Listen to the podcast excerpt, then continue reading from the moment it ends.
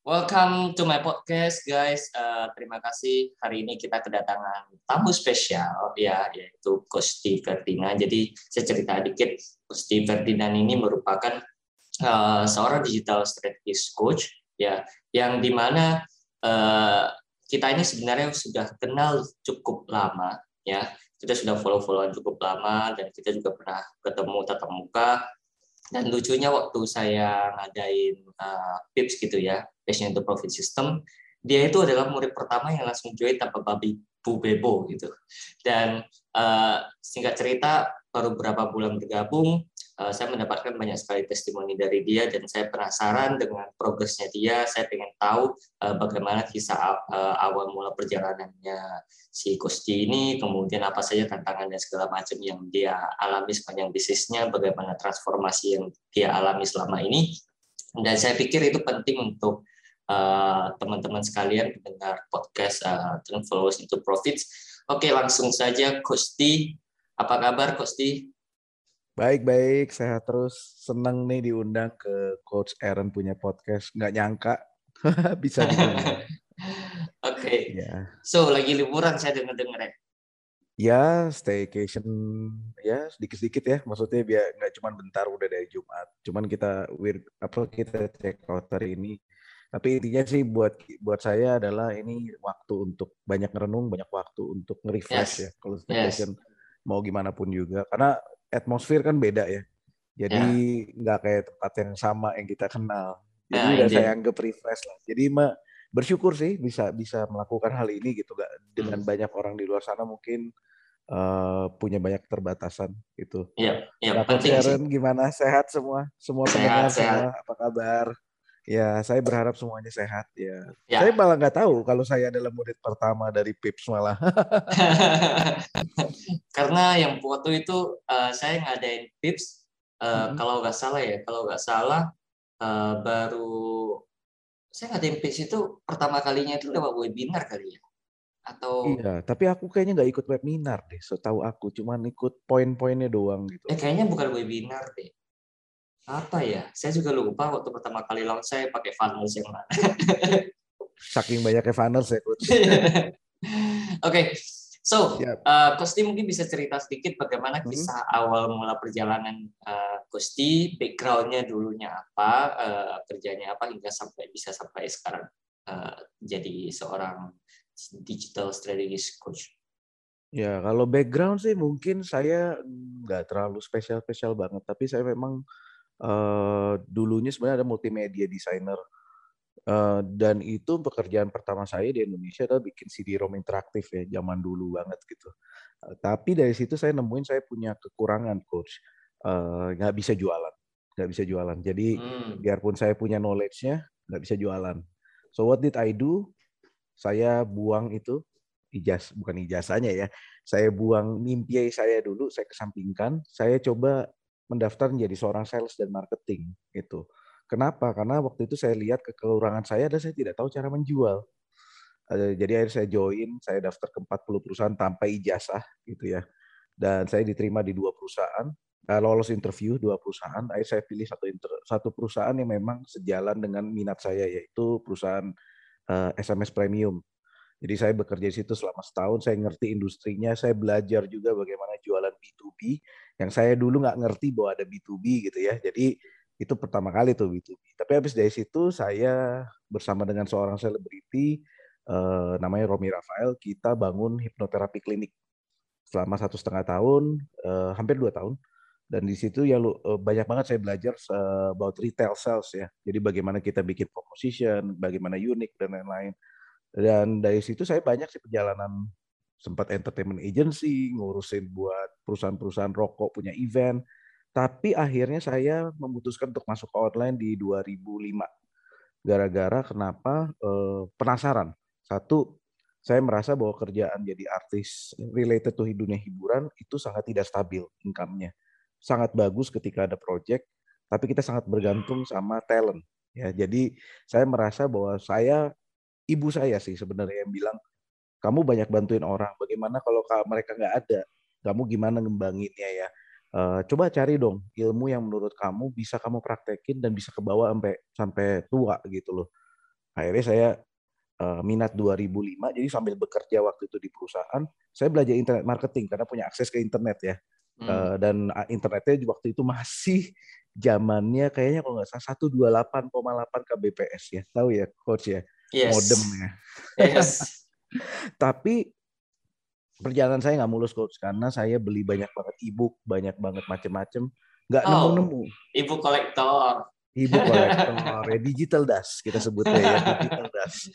Uh, karena berharap waktu itu itu semua akan ngasih ilmu, tapi malah bingung overload yeah. of information.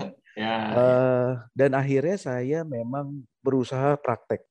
Jadi memang baru kelihatan waktu praktek, saya juga nggak tahu praktek apa ya. Nyobain affiliate gagal, nyobain beberapa hal gagal pertama kali. Dan saya hmm. berpikir simpel waktu itu, ah gimana caranya gue bisa bikin money online. Uh, ya akhirnya saya berpartner dengan salah seorang uh, software developer. Kita bikin software komputer gitu ya, mikro niche software yang kayak teman-teman mungkin adalah di komputernya yang misalnya buat buat bantuin nulis copywriting atau buat apa lagi ya. Uh, intinya Micronis itu adalah software-software kecil yang melakukan satu tas atau dua tas, kayak misalnya reminder dan lain-lain. Nah, itu cukup laku karena kita bundling dan mungkin itu pertama kali saya merasakan uang dalam jumlah besar ya, hampir 4 digit US gitu ya. Hmm. Dan dari situ saya percaya bahwa uang yang saya ada uang bisa dibuat di internet dan uangnya juga akhirnya yang saya invest bisa reinvest ya saya kembali. Da, dari situ setelah 2007 mungkin itu adalah pertama kali saya masuk internet belum ada itu namanya kelas online YouTube sosial media YouTube itu juga masih nggak kayak sekarang uh, podcast sudah ada, tapi masih sangat early. Jadi cara podcast pun belum ada layanan kayak Anchor FM uh, eh, atau Spotify itu belum ada. Jadi bayangin waktu itu saya benar-benar merasa sendiri sih.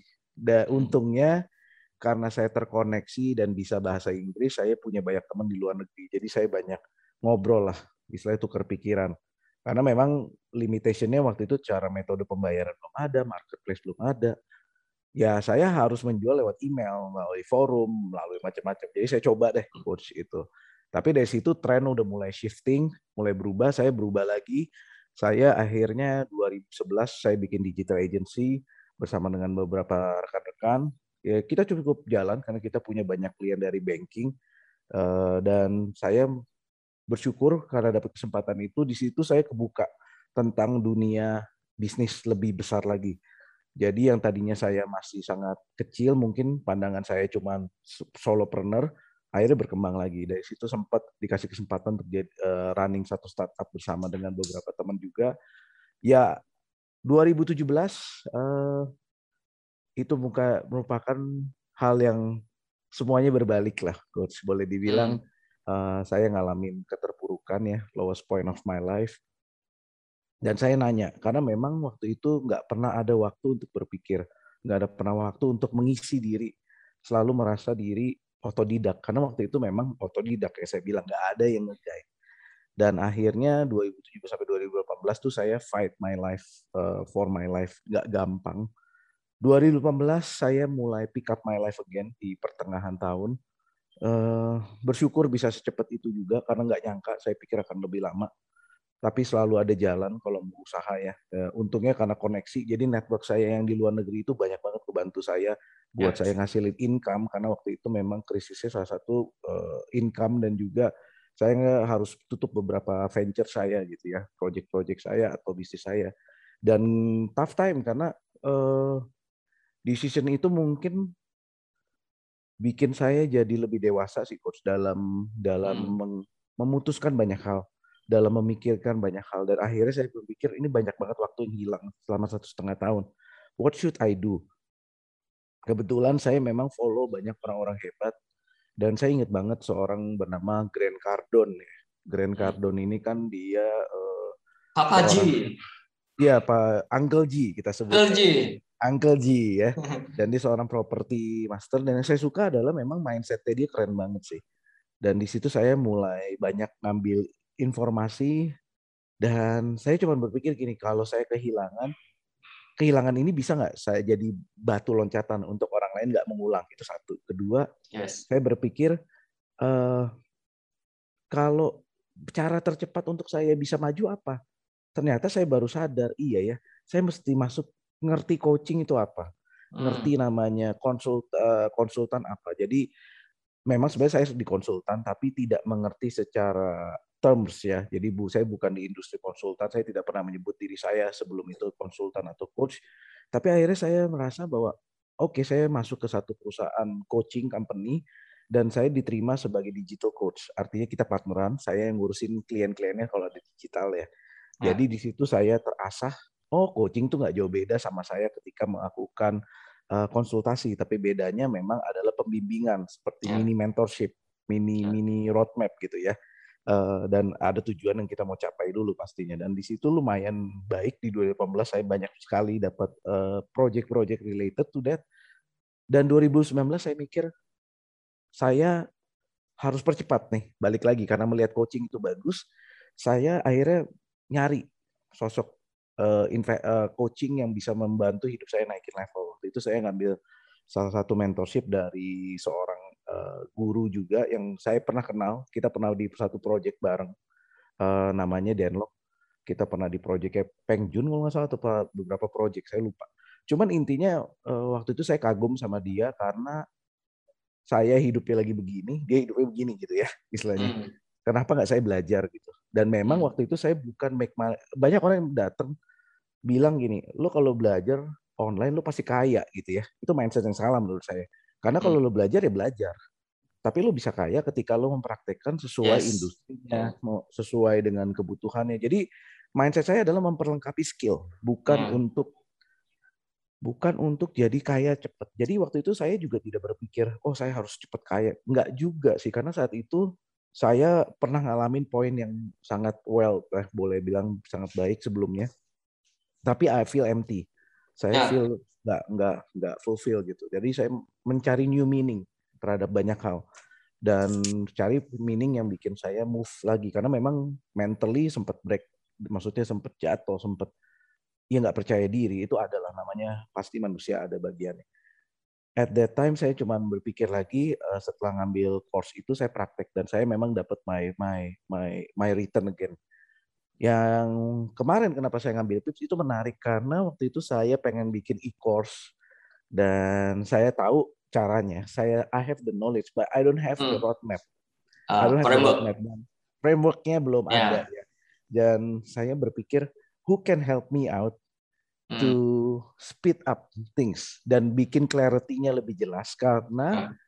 kalau saya nyoba-nyoba saya nggak ada juga yang nemenin saya accountable nggak ada yang yeah. bisa ngajak ngobrol tukar pikiran kasih pandangan gitu kan yeah. dan nggak lama I stumble I think it was I follow your IG jadi kalau ditanya saya follow dari mana dari IG-nya Coach Aaron hmm. karena saya kagum sama Coach Aaron dan uh, partner coach which is Rico Huang yang saya juga sering bercanda sama dia ya kalau di IG gitu. Hmm. Uh, dan saya ngelihat kalian berdua ini anak muda yang bisa jadi panutan. Dan buat saya belajar itu tidak pernah jadi berdasarkan oh ya lu udah tua nih, gue bisa ngikutin lo gitu ya. Enggak sih. Jadi saya percaya bahwa anak muda zaman sekarang saya mesti banyak belajar. Karena cara berpikir saya itu old, nggak fit. Ya nggak nggak di new new generation. Ini beda banget coach. Jadi yep. banyak banget yang saya ubah. Dan waktu itu saya ngelihat ini nggak salah coach Aaron ngasih harga segini nih yeah. Ya. uh, dan I I don't want to miss the opportunity because I know this is what I want gitu ya dan mm -hmm. saya tahu itu adalah langkah saya balik lagi bukan soal get money quick tapi and quick equipping me dan kasih clarity dan accountability itu tiga ya yeah. yang yang saya cari dan ternyata memang uh, saya suka karena sifatnya memang saya self learning karena udah terbiasa self learning. Kedua, saya bisa ada waktu dan sesi untuk ngobrol sama Coach Aaron. Yes. Menurut saya itu Coach Aaron give such tremendous value in your program yang buat saya sendiri ini masih banyak hal yang belum selesai gitu loh. Jadi saya kaget aja gitu. Ih, belum selesai aja nih, belum saya ngelakuin semuanya tapi udah on the clarity banyak hal yang positif yang saya mau gitu yang memang dari sini bisa terjadi yaitu kalau nggak salah seminggu setelah saya ngambil coach Aaron saya sign up my my digital strategy coach karena waktu itu hmm. memang udah mulai mengerucut sebagai digital strategy ya karena waktu itu saya melihat di market udah ada digital marketing sebagai brand Denny ya. Santoso yeah. sahabat saya juga uh, dan saya nggak mau bersaing I love com, uh, apa collaborating saya yes. mikir masih ada nama-nama uh, yang lain gitu ya FBD mm-hmm. FB coach dan lain-lain yeah. tapi kenapa strategi? Karena menurut saya nggak banyak orang yang bicara dari sisi strategi. Mm. dan strategi ini it takes a deeper view uh, sorry uh, a helicopter view sebuah bisnis. Dan kemudian bisa melihat ke vertikal ke dalamnya ke ke, ke dalamannya sebuah bisnis.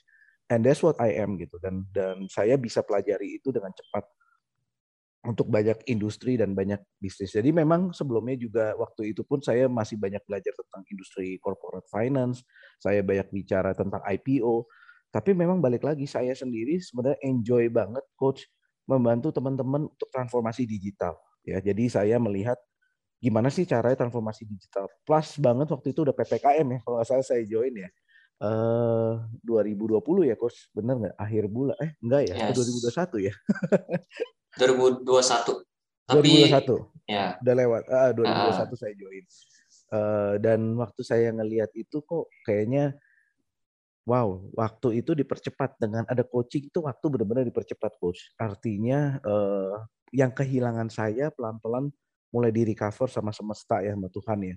ya. Dan saya bersyukur banget ketemu coach Aaron, bersyukur banget dengan materi yang coach Aaron sharing karena uh, saya punya banyak pandangan baru, hmm. belajar lagi hal baru. Hmm.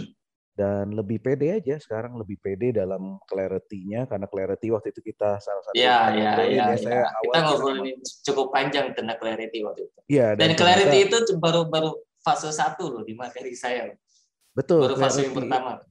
Dan Tapi paling penting Betul, itu fondasi dari we know what we want. Do we yes, really want it kan? Indeed. Nah, dan itu memang saya masih dalam masa pencarian. Saya bilang sama coach Aaron, hmm. gue deh coach gue masih yeah. pencarian nih. Gue tahu kayaknya ini nih, tapi belum belum belum nyetel gitu ya, istilahnya ya. belum yeah. klik banget.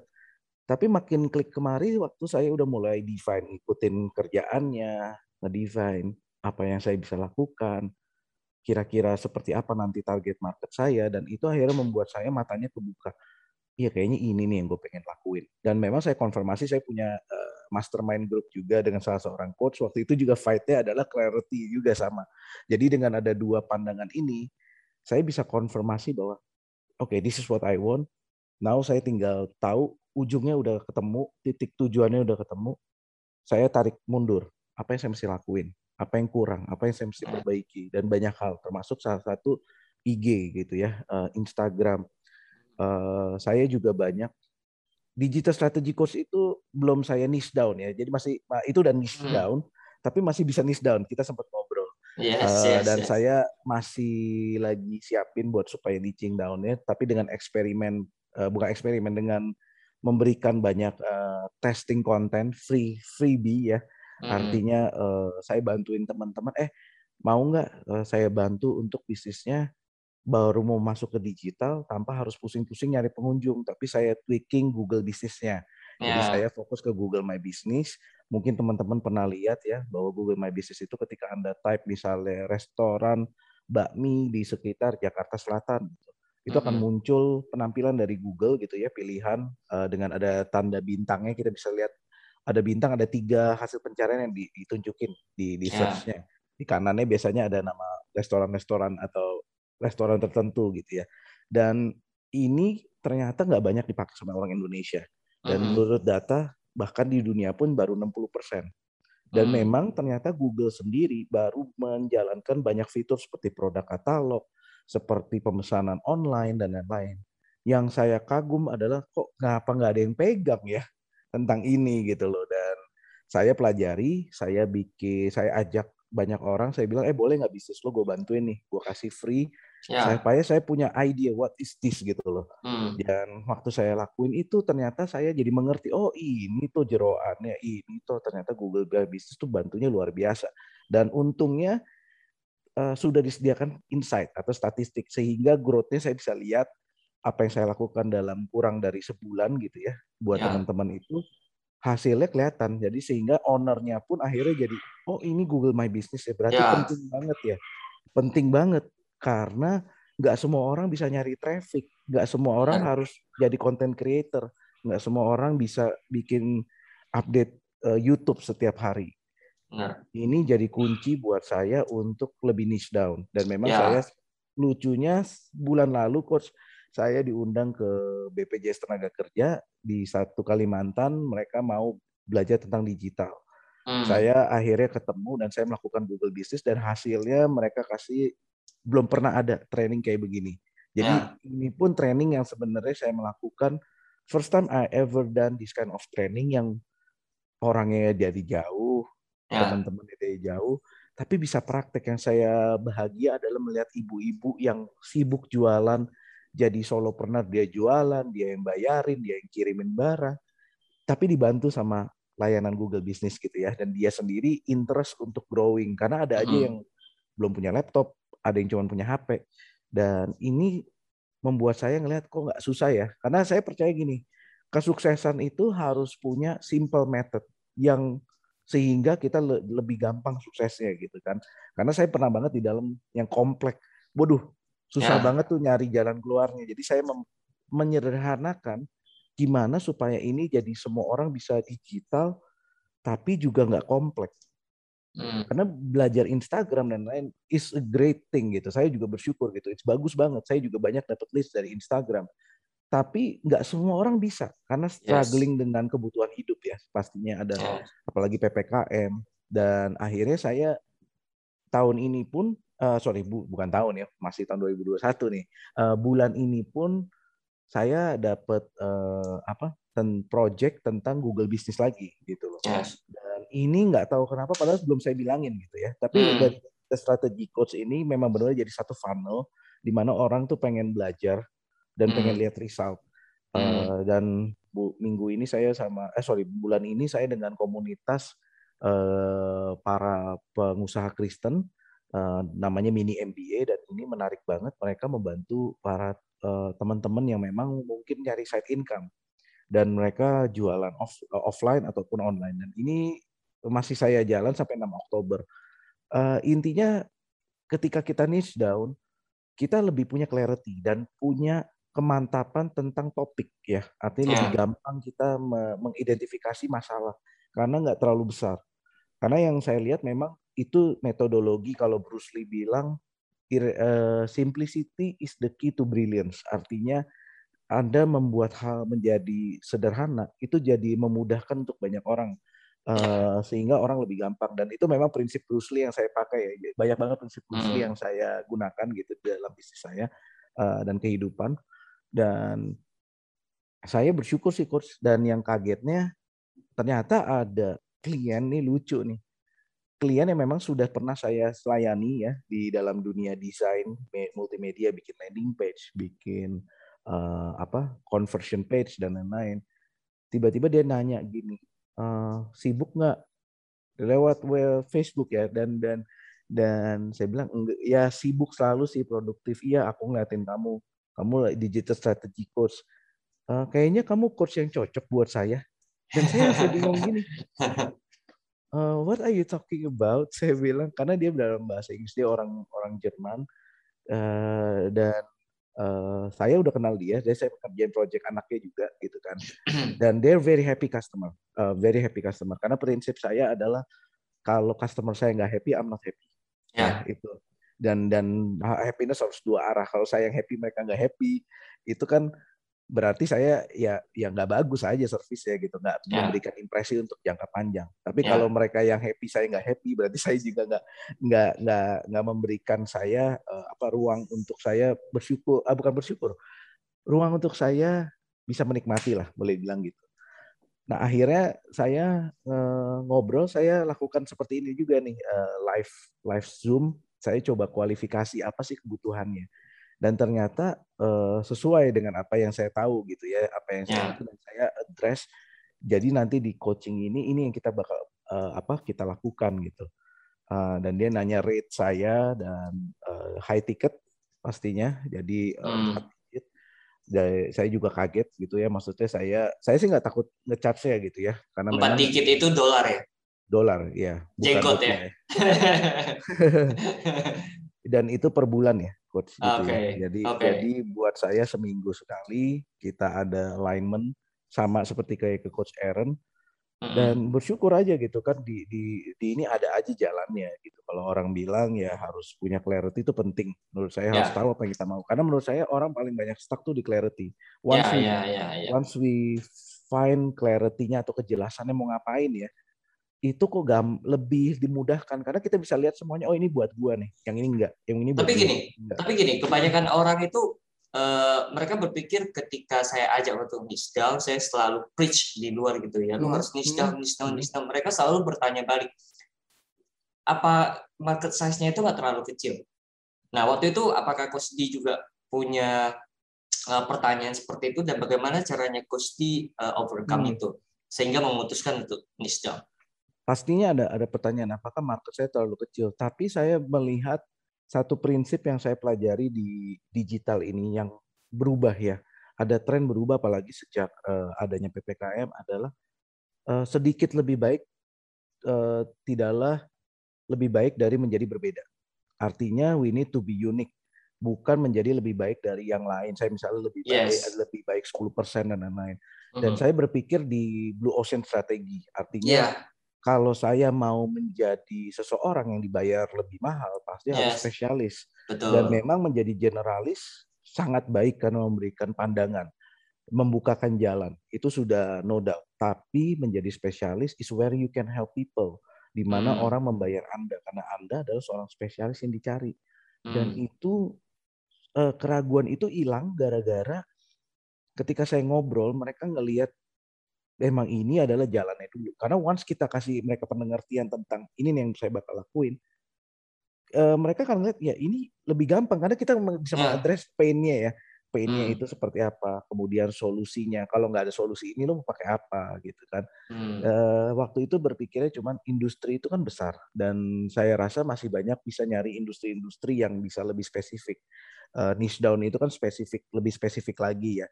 Dan buat saya saat itu cuman ketakutannya mungkin apakah course ini cocok atau tidak atau hasil sesuai. Tapi kan kita sudah address itu di PIPS ya, ya. bahwa mengadres uh, apa ekspektasi itu penting banget. Jadi saya tidak pernah bilang oke okay, kalau lu sama gue lu bakal jadi orang tajir gitu atau lu bakal sukses 100% enggak. Saya bilang it takes two to tango, it takes every effort dan saya bilang kita leave room for mistake.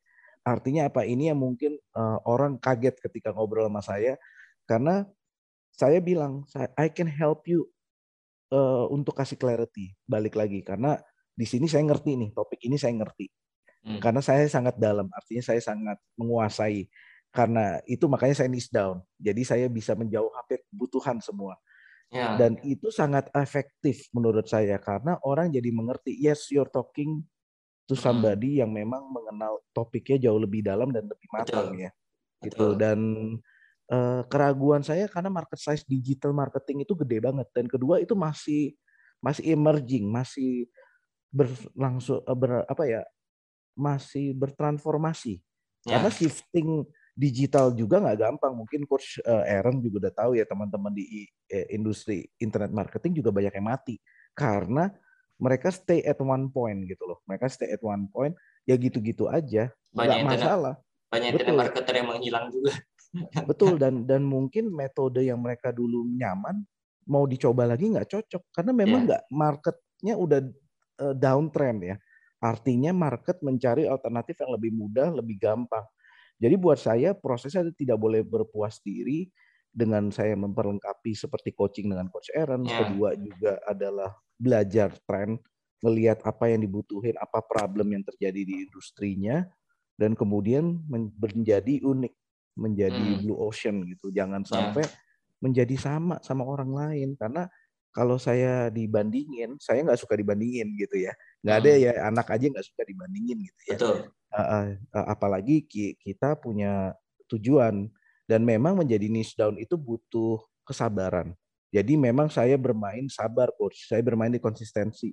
Yes. Saya tidak bermain di di sensasional ya di oh yang penting gue hmm. gebrak gede nih jadi saya dikenal enggak karena menurut saya at the end of the day setelah saya belajar digital marketing atau masuk uh, dunia digital 15 years saya lihat yang merubah saya adalah internet marketing saya bersyukur banget di industri itu tapi network yang saya bangun itu ya sekarang kayak benar-benar apa ya memberikan saya feedback yang positif gitu loh. Dan lagi lagi kita cuma cuma butuh seribu true fans kok di bisnis kita gitu. Kita nggak butuh banyak-banyak. Betul. Dan saya kayaknya nggak ada sampai seribu gitu. Dan saya banyak yeah, malah yeah. unfriend banyak banget yang saya udah udah nggak yeah. kontak. Karena not because saya don't want to contact with them. Karena menurut saya saya harus niche down lagi. Bayangin Facebook saya tadi empat ribuan sekian. Saya setiap minggu tuh uh, lihat kalau karena saya pakai taktik ulang tahun. Oh, ulang tahun gue kenal gak ya ini ya? Udah jarang hmm. ngomong. Hmm. Saya lihat juga postingannya dia sering posting atau enggak. Dan akhirnya saya lama-lama melihat bahwa engagement saya jauh lebih baik ya. Karena yeah. kan saya menghilangkan yang tidak engage. Jadi angka Benar. engage sama non engage itu kan sangat penting. Sama ketika uh, Instagram waktu awal saya banyak melakukan kesalahan, saya mulai niche down lagi. Artinya gue maunya ngomongin ini, topiknya ini tapi memang uh, ini juga saya juga nggak nah kagetnya adalah orang itu ngelihat uh, video IG video saya ternyata. Dan itu banyak karena saya melakukan di 2020 tuh melakukan hampir uh, 20 plus interview sih coach. Hmm. dan itu yang banyak orang ngelihat gitu who I am and what I'm good at gitu ya. Uh, dan mereka reflect dari situ kenapa sih? Saya sampai nanya loh kenapa you wanna hire me? How do you find me ada yang dengar dari podcast, ada yang nge-follow saya punya uh, Instagram, padahal cuma watch me from outside gitu. Yang sampai hmm. kaget tuh kayak BPJS itu tiba-tiba ada ada event organizer yang offline gitu ya, kontak saya dan dia bilang Pak Di itu cocok banget sama kita. Cocok apanya Pak? Kita nggak pernah ketemu. Gitu. We never talk. Saya cocok dengan profil trainer yang kita butuhin buat BPJS tenaga kerja Kalimantan. Saya bilang, oke, okay, uh, if you say so let me know what I can help you with. Jadi saya juga belum saya nggak terlalu girang bukan karena nggak bersyukur bersyukur cuman yeah. kan belum deal gitu ya. Kita cari tahu aja dulu sabar aja gitu. Dan saya nggak berharap yang wah ini kalau deal nih hidup saya pasti wah uh, income-nya begini. Enggak. Ngobrol dulu aja. Oh lo kebutuhannya ini marketnya ini. Bisa nggak? Mereka mau nggak uh, dari panitia BPJS merasa nggak ini penting gitu kan. Dan saya presentasi loh coach. Saya presentasi uh. ke ke jajaran direksinya mereka. Why I I say uh, ini uh, apa ya ini ini keuntungan niche down. Ada saya ngerti topik dan mereka uh. bilang pak nggak usah dijelasin lagi pak. Yeah. saya baru jelasin 8 menit awal basa basinya kayak hampir kayak tiga menitan. Kita udah tahu bapak is the qualify saya bilang wow. Yeah. itu saya bilang saya mesti thank you coach Aaron karena salah satu yang bikin saya lebih pede untuk untuk yakin gitu ya karena exactly. Jadi pro uh, another pro menurut gua kalau misalkan lu niche down gitu ya mm-hmm. itu akan menghilangkan impostor syndrome lu. Betul. Itu pasti. Jadi lu gak akan ngerasa kalau lu itu sedang berpura-pura untuk menjadi seorang expert atau seorang coach yang tahu anything. Karena you know what you do gitu. Uh. Lu tahu apa yang menjadi skill lu, apa yang menjadi kapasitas lu. Jadi uh, seperti Kosti gitu ya, yang di mana sudah niche down as a digital strategic coach, kemudian niche down lagi uh, berkutat di uh, Google My Business. Google My Business, yep. Nah, ketika kalau misalkan Kosti ngotot mau bahas digital marketing, strategi marketing lain bisa nggak bisa. Tapi Kosti akhirnya memutuskan untuk fokus di Google doang, di Google My Business. Nah, hmm apakah semua orang akan dengerin Kostin uh, untuk ngomongin My Business? No, nggak akan semua orang dengerin itu, tapi hanya akan menarik orang-orang tertentu yang memang tertarik.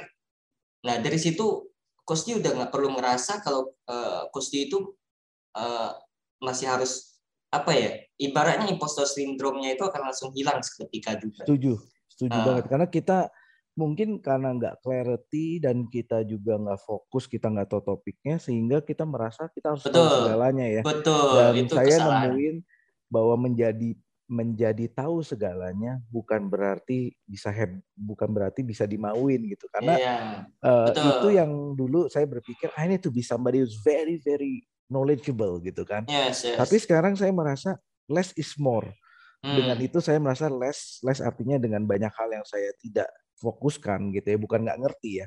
Tidak fokuskan karena fokus saya sekarang adalah ngebangun Google My Business karena saya ngelihat ini buat teman-teman juga sangat bermanfaat gitu kan. Dan saya punya meaning karena dulunya dengan saya ke mana-mana saya jadi bingung ini saya siapa ya? Ya benar itu impostor gitu. Gue iya. bingung yeah. gue siapa nih ya? Hmm. Gue tuh apa ya? Apa yang bisa gue bantu ya? Orang lain juga iya. Orang lain ini juga iya. Iya. Ya gue siapa ya? Jadi impostor bener tuh dan dan itu kerasa sih coach jadi gue juga yeah. gue juga bisa bilang it is true sih bahwa apa yang coach Aaron bilang impostor syndrome ya hmm. dan kita nggak berusaha untuk juga merasa bersaing karena kita sendiri punya unik uniqueness gitu yeah. dan aku ngerasa bahwa memang itu ngebantu saya jadi lebih jelas. Jadi apa pun ini enaknya kan gini kayak kita melihat mobil warna merah, cari mobil warna merah di jalan, ketemu tuh mobil warna merah di jalan. Ini sama hmm. ketika kita bilang cari tentang orang-orang yang butuh Google Business. Kelihatan mereka tipikalnya atau ciri khasnya mereka, karakter-karakter mereka, oh ini bisa kelihatan gitu kan. Dan memang semua is all about data di Google. Jadi saya juga langsung bisa mengadres, eh kamu penjualan segini ya, gara-gara Google ini saya bisa tahu. Kok bisa tahu? Ya karena saya lihat kamu nggak manage nih reply-reply yes. dari ulasan-ulasan yang diberikan. Tidak ini saya tahu banget kamu sibuk nih. Do you hmm. want me to help you out? No strings attached saya juga lihat bahwa yang mungkin orang ketakutan bahwa kita merasa bahwa marketnya nggak ada gitu kan. Kita butuh seberapa sih market? Nggak butuh gede-gede banget sih menurut saya coach. Karena menurut saya itu kita pasti ada levelnya ya. Bisa scale up. Jadi sekarang hmm. pun saya udah jadi kebayang roadmapnya saya. Karena saya niche down, balik lagi. Saya kebayang. Bahkan saya nggak kebayang bahwa roadmap ini bakal lebih gokil gitu loh. Dari kalau saya gedein gitu loh coach. Hmm. Jadi ya uh, karena saya ngerasa oh ini yang dibutuhin along the way saya tetap lakukan jadi konsistensi jadi saya juga baru masuk Google Business nggak nyampe kayaknya waktu aku sama Coach Aaron loh sebenarnya nggak lama loh ya ya ya ya jadi saya fokus ya, waktu gitu itu, ya sama uh, Coach Aaron uh, uh. Uh, waktu itu Coach masih sempat nanya saya berkutat di uh, kayaknya belakangan ini saya lagi ngelakuin yang namanya Google Business. Mm-hmm. Terus langsung saya tembak kan, kenapa nggak kamu list down lagi turun ke Google My Business aja gitu. Iya, waktu itu masih sempat agak-agak agak-agak apa ya agak-agak ragu ya apakah ini cukup betul. cukup apa cukup market besar. cukup besar. Hmm, nah. Betul. Itu sih. Jadi, Jadi struggle-nya memang memang ya, itu ya struggle is real karena saya juga pernah ngalamin seperti itu ya di mana saya bisa aja serve uh, every entrepreneur di Indonesia mulai dari offline sampai ke online mulai dari pemilik bisnis restoran pemilik bisnis properti sampai ke online shop owner dan lain sebagainya tapi saya nggak ngelakuin itu kenapa karena saya pengen uh, memang fokus membantu para coach dan pesan-pesan saya itu juga masuk ke para coach karena dengan kita melayani berbagai jenis avatar, berbagai jenis hmm. uh, customer dalam waktu yang bersamaan, kita tidak bisa menggunakan satu bahasa untuk semua orang. Jadi kalau hmm. di peribahasa Tengkok itu ada namanya kalau lu eh, berusaha untuk ngejar dua kelinci ya pada akhirnya nggak ada satupun yang dapat. Satupun gitu. yang dapat betul. Nah, so dengan Nisdau itu memang uh, apa pengalaman saya dan pengalaman Kosti juga pengalaman uh, murid-murid saya banyak yang mengatakan bahwa uh, dengan mereka Nisdau itu pesannya itu jadi lebih spesifik ketika saya bikin sales funnels, ketika saya bikin lenders, ketika saya bikin bahasa penawaran, bahasa iklan, itu juga jauh lebih convert karena saya cuma berbicara kepada satu macam orang jadi bukan iya. berbagai yeah. uh, bukan ke banyak orang gitu. Karena every people have their own problem, pain-nya mereka berbeda, gain-nya mereka juga berbeda. Jadi uh, angle yang digunakan itu akan banyak sekali dan kita tidak bisa nembak uh, dua peluru dengan satu peluru, nggak bisa. Apalagi kalau untuk teman-teman yang baru memulai gitu ya, yang masih terbatas dengan resource, mau dari segi duitnya, uangnya, waktunya, uh, expertise-nya itu akan terkuras habis kalau misalkan uh, tidak niche atau ibaratnya langsung bermain broad gitu. Well kalau kalau misalkan nanti ke depan uh, mau scale up bisnis mau broad ya silakan. Tapi saya sangat menganjurkan untuk teman-teman yang baru memulai atau memang yang ingin uh, menjadi expertise di bidangnya ya itu start from niche. Kalau bisa itu micro niche ya seperti coach ini uh, buat saya menurut saya itu cukup cukup micro gitu, hmm. cukup cukup cukup niche. Oke, okay? dan bagusnya adalah tidak ada kompetitor. Ya, bagusnya itu adalah blue ocean. Ya, jadi we have to create our uh, own blue ocean. Kayak misalnya sekarang kita ngomongin uh, internet marketing, di turunannya itu ada Facebook Ads. Ya, Facebook Ads itu niche gak? Well, dulunya niche. Dulunya, dulunya niche, betul. Dulunya niche. Sekarang itu udah red ocean. Nah, gimana hmm. caranya biar kalau misalnya teman-teman punya skill di Facebook Ads, berarti saya harus belajar skill baru dong? Enggak juga. Kita bisa niche down dengan cara menargetin orang-orang tertentu. Misalkan saya mau bantuin Facebook Ads untuk tukang roti atau Facebook Ads untuk tukang uh, untuk para pemilik, gitu ya. ya para lawyer, para pemilik bisnis restoran itu udah niche gitu loh. Sehingga bahasa-bahasa yang nantinya kita susun di sales funnel-nya kita itu juga wow itu spesifik banget only to lawyer gitu. Hey para hmm. pengacara di luar sana yang mendapatkan lebih banyak klien, gimana itu nggak menjadi sebuah hook yang itu?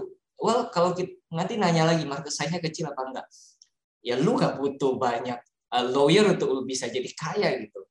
Dan lah produk gue kalau dijual seratus ribu gimana? Lah siapa yang nyuruh lu jual seratus ribu kan gitu, ya kan? Jadi mindsetnya itu harus ditweak gitu. Gimana kalau kamu bisa dapatnya satu lawyer kemudian lawyer itu bayar lu 10 juta per, per session?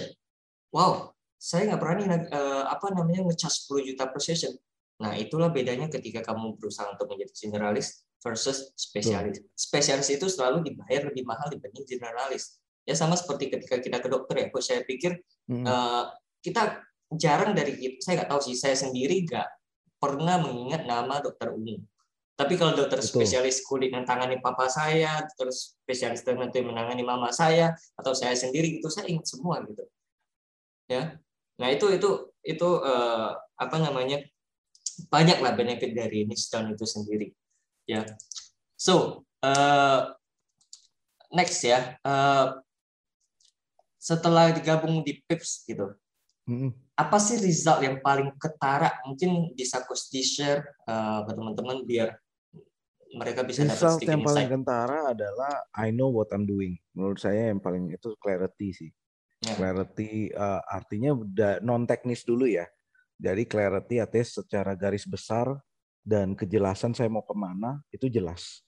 Karena hmm. saya lihat yang Coach Aaron bilang kayak imposter syndrome, kita pasti ngalamin. Nggak mungkin nggak in every yes. stage of life yes. bahkan menjadi seorang suami jadi seorang ayah aku pengen jadi ayah itu jadi pada impostor you trying to be somebody you're not karena lu pertama kali jadi ayah gitu anak satu ya pasti uh, jadi ayah kecuali lu punya anak lain kali ya di tempat lain yang nggak nggak sah gitu ya misalnya just joking around gitu.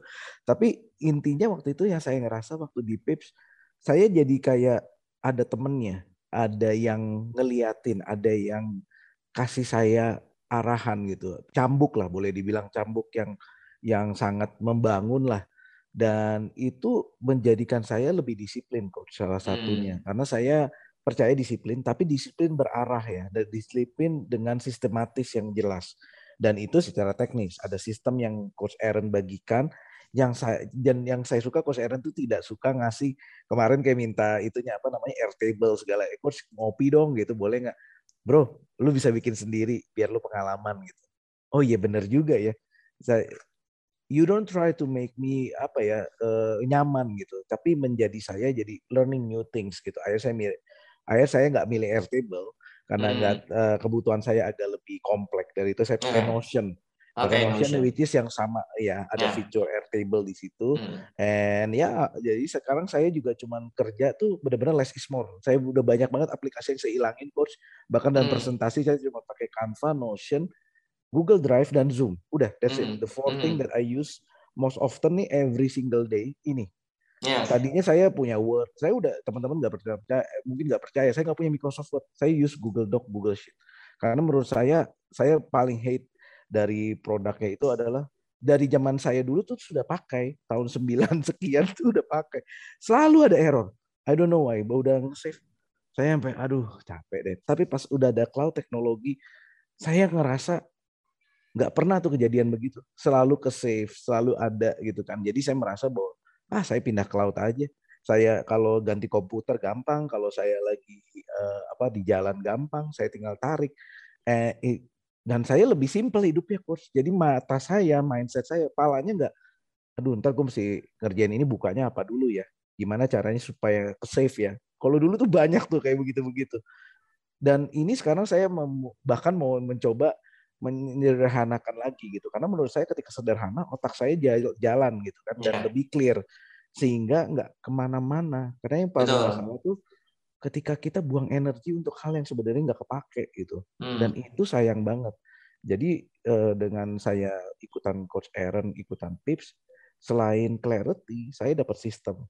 Ketiga ketiga hidup saya jauh lebih merasa lebih dimudahkan karena saya decluttering tidak menambah banyak tapi menggunakan yang tepat Ya. Eh, menarik yang istilahnya jusnya aja gitu yang dibutuhin gitu kan Benar. jangan sampai saya akhirnya jadi sibuk sendiri nggak ngapa-ngapain gitu kan dan itu yang Mm-mm. saya paling hindari gitu itu sih jadi saya merasakan ya tips ini masih tetap jadi course saya di bookmark saya tiap kali saya get into the the whole thing saya buat di remind am I on the right track ya kayak kita kebalik lagi ngeliat Google Ya. Map lah ya kan teman-teman tahu Google Map Mm-mm. gitu Dan saya berusaha untuk eh, tidak eh, banyak sharing taktik di tip di tips ya. Jadi kalau Steve bisa lihat eh, di dalamnya saya sharingnya itu lebih banyak ke strategi dan sifatnya itu evergreen. Yang di mana teman-teman ketika 10 tahun balik ke, ke pips lagi itu juga akan sama strategi yang bisa diterapkan di bisnis kapan pun juga. Karena kita tahu lah di digital itu shiftingnya itu cepat banget, transisinya itu cepat banget. Kalau kita ngomongin taktik hari ini taktiknya begini, besok tiba-tiba berubah bisa berubah segala macam itu udah udah berubah buyar tuh itu berarti udah udah nggak bisa dipakai kayak gitu sih Dan kayaknya Dan- taktik juga banyak yang ada selalu ada di YouTube ya. Menurut saya Iya jadi ngapain ya. ngapa yang kita butuhkan sebenarnya clarity. Kita tuh Framework. strategi kan eh, eh, strategi kalau kita perang, saya lihat ini kalau misalnya kita perang adalah bagaimana saya bisa mengalahkan musuh, ya kan? Mm-mm. Mengalahkan benteng musuh, menghancurkan benteng musuh. Tapi dengan pasukan saya itu apa gitu? Apa yang ada di Ya. saya? Kalau kita mungkin nggak ngomong pasukan, skill saya apa? Atau resource saya apa? Network saya siapa? Dan itu yang bisa menjangkau eh, kita supaya menghancurkan benteng. Benteng itu ya Hmm. macam-macam ya. Ada benteng namanya eh, kesuksesan, benteng namanya kita mau dikenal, atau benteng kita namanya eh, menghasilkan lebih baik. Eh, tapi in- intinya menurut saya strategi itu sangat penting dan dan kita lihat memang di sebuah negara ya setaktik perang pun nggak bukan jumlah. Jumlah Ya. penting tapi nggak selalu. Tapi mengerti memetakan. Ya. itu penting banget. Makanya saya juga lagi pelajarin banyak strategi peperangan bukan karena apa karena saya belajar ini menarik nih saya bilang. Saya baru Ya. ngerti itu strategi apa taktik itu apa.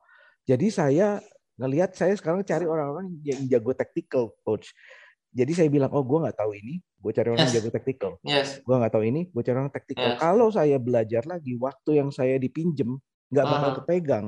Benar. Karena memang saya di strategi. Dari awal pun saya waktu di strategi coach saya selalu bilang anda akan belajar tapi sisanya anda yang belajar sendiri atau meng-hire expert dengan itu atau meng-hire tim internal yang memang punya skill itu atau atau that sophisticated skill ya yang dibutuhin. Sehingga kamu nggak harus lagi belajar bertahun-tahun dan ngalamin jatuh bangun tapi bisa pinjem waktu yang udah ada dari para orang skillful ini. Dan ini ngerti ini aja bakal ngebuka banyak leverage atau batu loncatan tuh coach. Itu juga. Dan Ya. ini ini luar biasa sih. Makanya saya bilang eh, coach R ini ngecharge kemurahan coach jujur. Jadi saya saya tuh sebenarnya lagi punya misi untuk eh, ngajarin satu juta orang di Indonesia untuk eh, make a living by Hmm. loving what they doing. Setuju. Eh, jadi dengan doing apa pun yang mereka cintai, jadi sama seperti kita kita ini, saya pikir kita saat ini sedang melakukan apa yang memang kita cintai, dan saya punya mimpi besar untuk untuk apa ya orang eh, apa teman-teman kita itu di luar yang mereka udah punya skill, punya passion, tapi nggak ngerti cara duitinnya itu gimana. gitu. dan menurut saya ini yang menarik ya teman-teman tahu bahwa banyak banget orang-orang yang sangat lama gitu di dalam industri profesional sebenarnya kalian udah bisa jadi konsultan kalian Yes. udah bisa jadi advisor Ya, karena dibutuhin karena anak eh, zaman sekarang startup sendiri. Saya karena saya juga banyak berkecimpung di dunia startup di mentoringnya di inkubatornya. Mereka tuh nggak punya itu tuh skillful set. Artinya experience mistake dan kemudian framework atau SOP ya atau, atau structure plan. Mereka nggak ada. And you Hmm. guys can help these companies.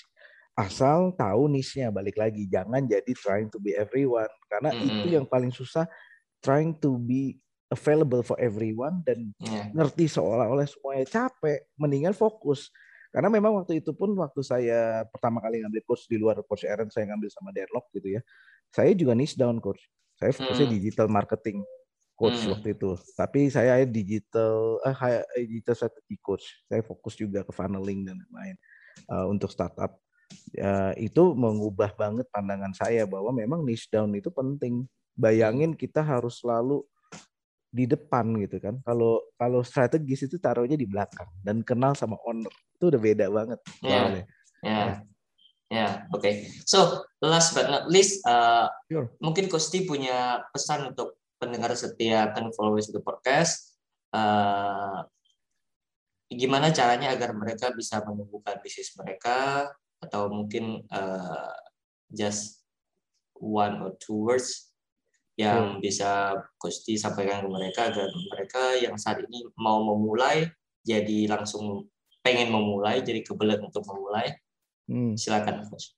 Menurut saya yang penting adalah uh, butuh yang punya roadmap yang udah proven kayak Coach Aaron ini juga salah seorang yang anak muda menurut saya heads up banget ya uh, dan saya nggak pernah merasa Coach Aaron itu saingan gitu ya sama saya juga nggak gitu ya.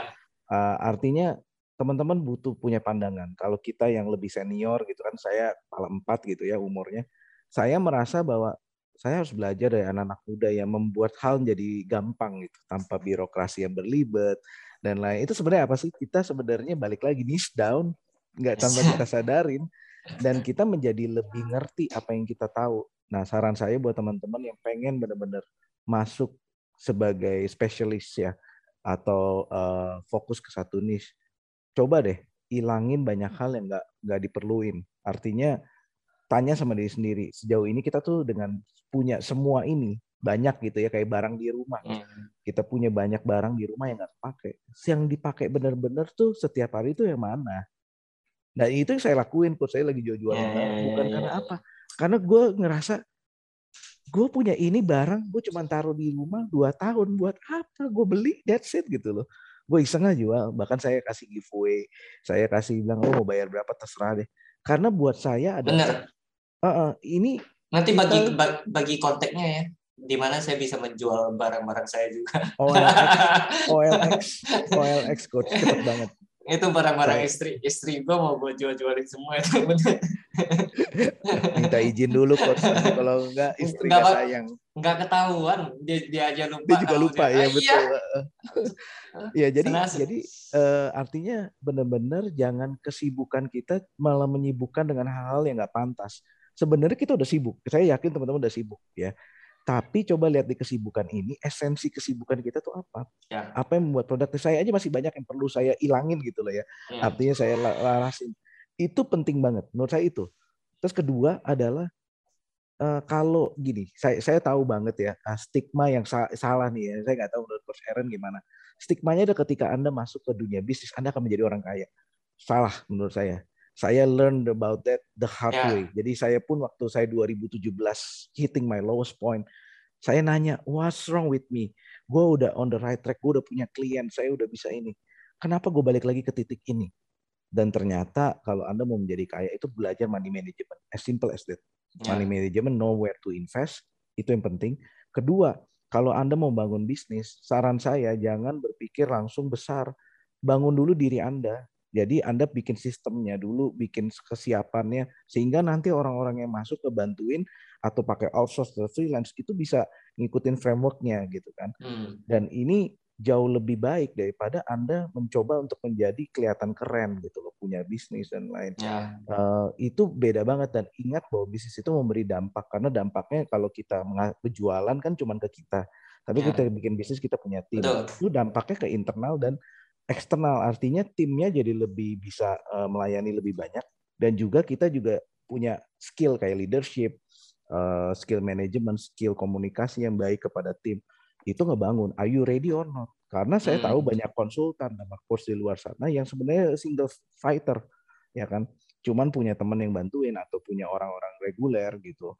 Nah, jangan takut untuk harus fokus dulu karena ya balik lagi mungkin anda hari ini di posisi belum niche down dan perlu niche down gitu dan hmm. juga eh, yang kita udah pelajarin mesti dilihat deh trennya karena eh, kalau mau lihat tuh ada di World Economic Forum ya industri yang bakal naik karena pandemi dan yang bakal turun itu udah kelihatan jadi kalau anda punya petanya anda bisa tahu makanya saya selalu bilang wawasan itu harus lihat global trendnya karena global trend ini yang akan ngelihat siapa yang dibutuhin gitu ya. Jadi eh, sekarang untungnya ya ya balik lagi ke zaman e-book lagi nih sekarang kita. Tapi beda caranya karena Indonesia punya market ini menarik. Kita tuh orang-orang lebih suka nonton TV. Saya juga kalau disuruh baca Coach Aaron, mungkin saya nggak ikutan ya. Tapi karena ini video, saya lebih enjoy gitu. Dan dan dan semua yang Coach Aaron sharing itu something not hard to follow. Jadi banyak juga orang mau overcomplicate little things. Jadi kalau Anda bilang Anda mau mau ini kok kayaknya kegampangan ya Coach Aaron, masa begini sih? Itu pasti ada jadi pertanyaan yeah. tuh Coach. Tapi menurut saya lu otak lo tuh aneh gitu loh. Kayak orang Indonesia ya, maksud saya hal yang gampang diribetin gitu kan. Ya. Coba dong kalau udah gampang ya dilakuin. Oh gitu doang. Gitu oh gitu doang. Gitu. Terus segampang itu, ya, semua anak juga bisa. Kok sampai sekarang gue nggak lihat semua anak bisa. Nenek-nenek bunting kan suka dibilang itu bisa. Saya nggak pernah lihat nenek bunting juga, kecuali ya janda cantik gitu ya. Tapi dia bisa ini pun nggak ada gitu loh yang bisa ngeliatin gitu kan. Ya. Artinya jangan ngerasa bahwa yang simple itu udah dikerjain belum. Simpelnya Coach Aaron ini berbahaya teman-teman karena that one information saya percaya ketika masuk wawasan Anda nggak akan jadi sama lagi. Ini yang penting. Yang dibagi sama Coach Aaron saya itu saya bersyukurnya gini saya punya waktu dengerin Coach Aaron karena dia juga audible Coach Aaron. Saya bisa dengerin sambil jalan pagi. Jadi saya itu belajar jalan pagi. Pas udah selesai jalan pagi saya praktekin. Itu serunya. Dan itu saya bersyukur banget sama si coach Aaron punya materi karena nggak nggak susah saya nggak harus karena kalau taktikal teman-teman harus duduk di depan iya. nungguin yeah. kalau ini saya bermerenung karena memang kita butuh space untuk ngedenger bukan ngerjain aja jadi strategically kita harus ngatur waktu kita sehingga konten yang kita mau dalam hidup kita tuh bisa kita filter gitu yeah. dan itu sih coach jadi saran saya adalah tadi ya nih uh, benar-benar knowing what we want kedua bikin hal yang udah mudah bukan dipertanyakan tapi dilakukan ya. gitu. Dan ketiga, uh, coba deh tanya kalau kita saya saya ngambil gini, COVID ini jadi punya mindset baru saya. Bukan mindset baru, mindset yang lebih clear. Kan kita tahu kalau orang kena COVID, kemungkinan hidupnya juga sangat-sangat kecil ya kalau kena gitu ya.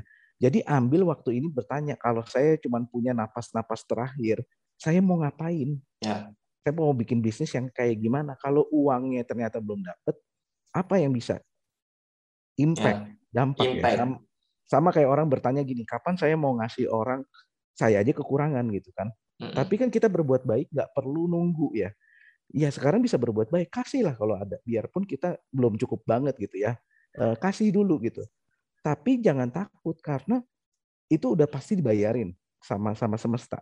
Artinya ya. kita kita ngutangin semesta gitu dan banyak orang takut dan saya bilang ayo lebih berani lebih berani membagi karena memang itu bukan pegangan lo kita semua titipan gitu loh. Jadi saya pun juga merasa bahwa yang dititipin dengan saya saya harus pakai kalau saya punya napas terakhir ya saya mau lakukan yang terbaik, saya mau praktek. Dan itu yang saya mau berikan dampak. Jadi menurut saya dampak you cannot delay, you nah. just do it gitu. Okay. Itu coach daripada okay. lebih panjang. Oke, okay. thank you so much coach. So Aduh, kalau thank you banget coach. Hopefully kalau, berguna buat teman-teman sama coach Aaron. Siap. Jadi kalau pendengar podcast ingin connect dengan coach D, apakah ada sosmed yang bisa di-follow atau eh, messenger uh, yang bisa di-chat? Coach saya semuanya at di Ferdinand. Jadi at D, uh, Delta okay. Eco Eco, Fanta Eco Romeo Delta India November Alpha November Delta di Ferdinand. Kayaknya saya yang yang panjang ya. Oke, okay, nanti saya bagikan linknya di, Bote, podcast. Oke. Okay. Okay. Thank you. So, thank you coach, thank you for your thank time. You semoga teman-teman bisa ya, semoga teman-teman semua bisa mendapatkan insight baru. Semangat teman-teman. Pembicaraan kita berdua hari ini. Oke, okay. see you guys, stay safe. See you, thank you.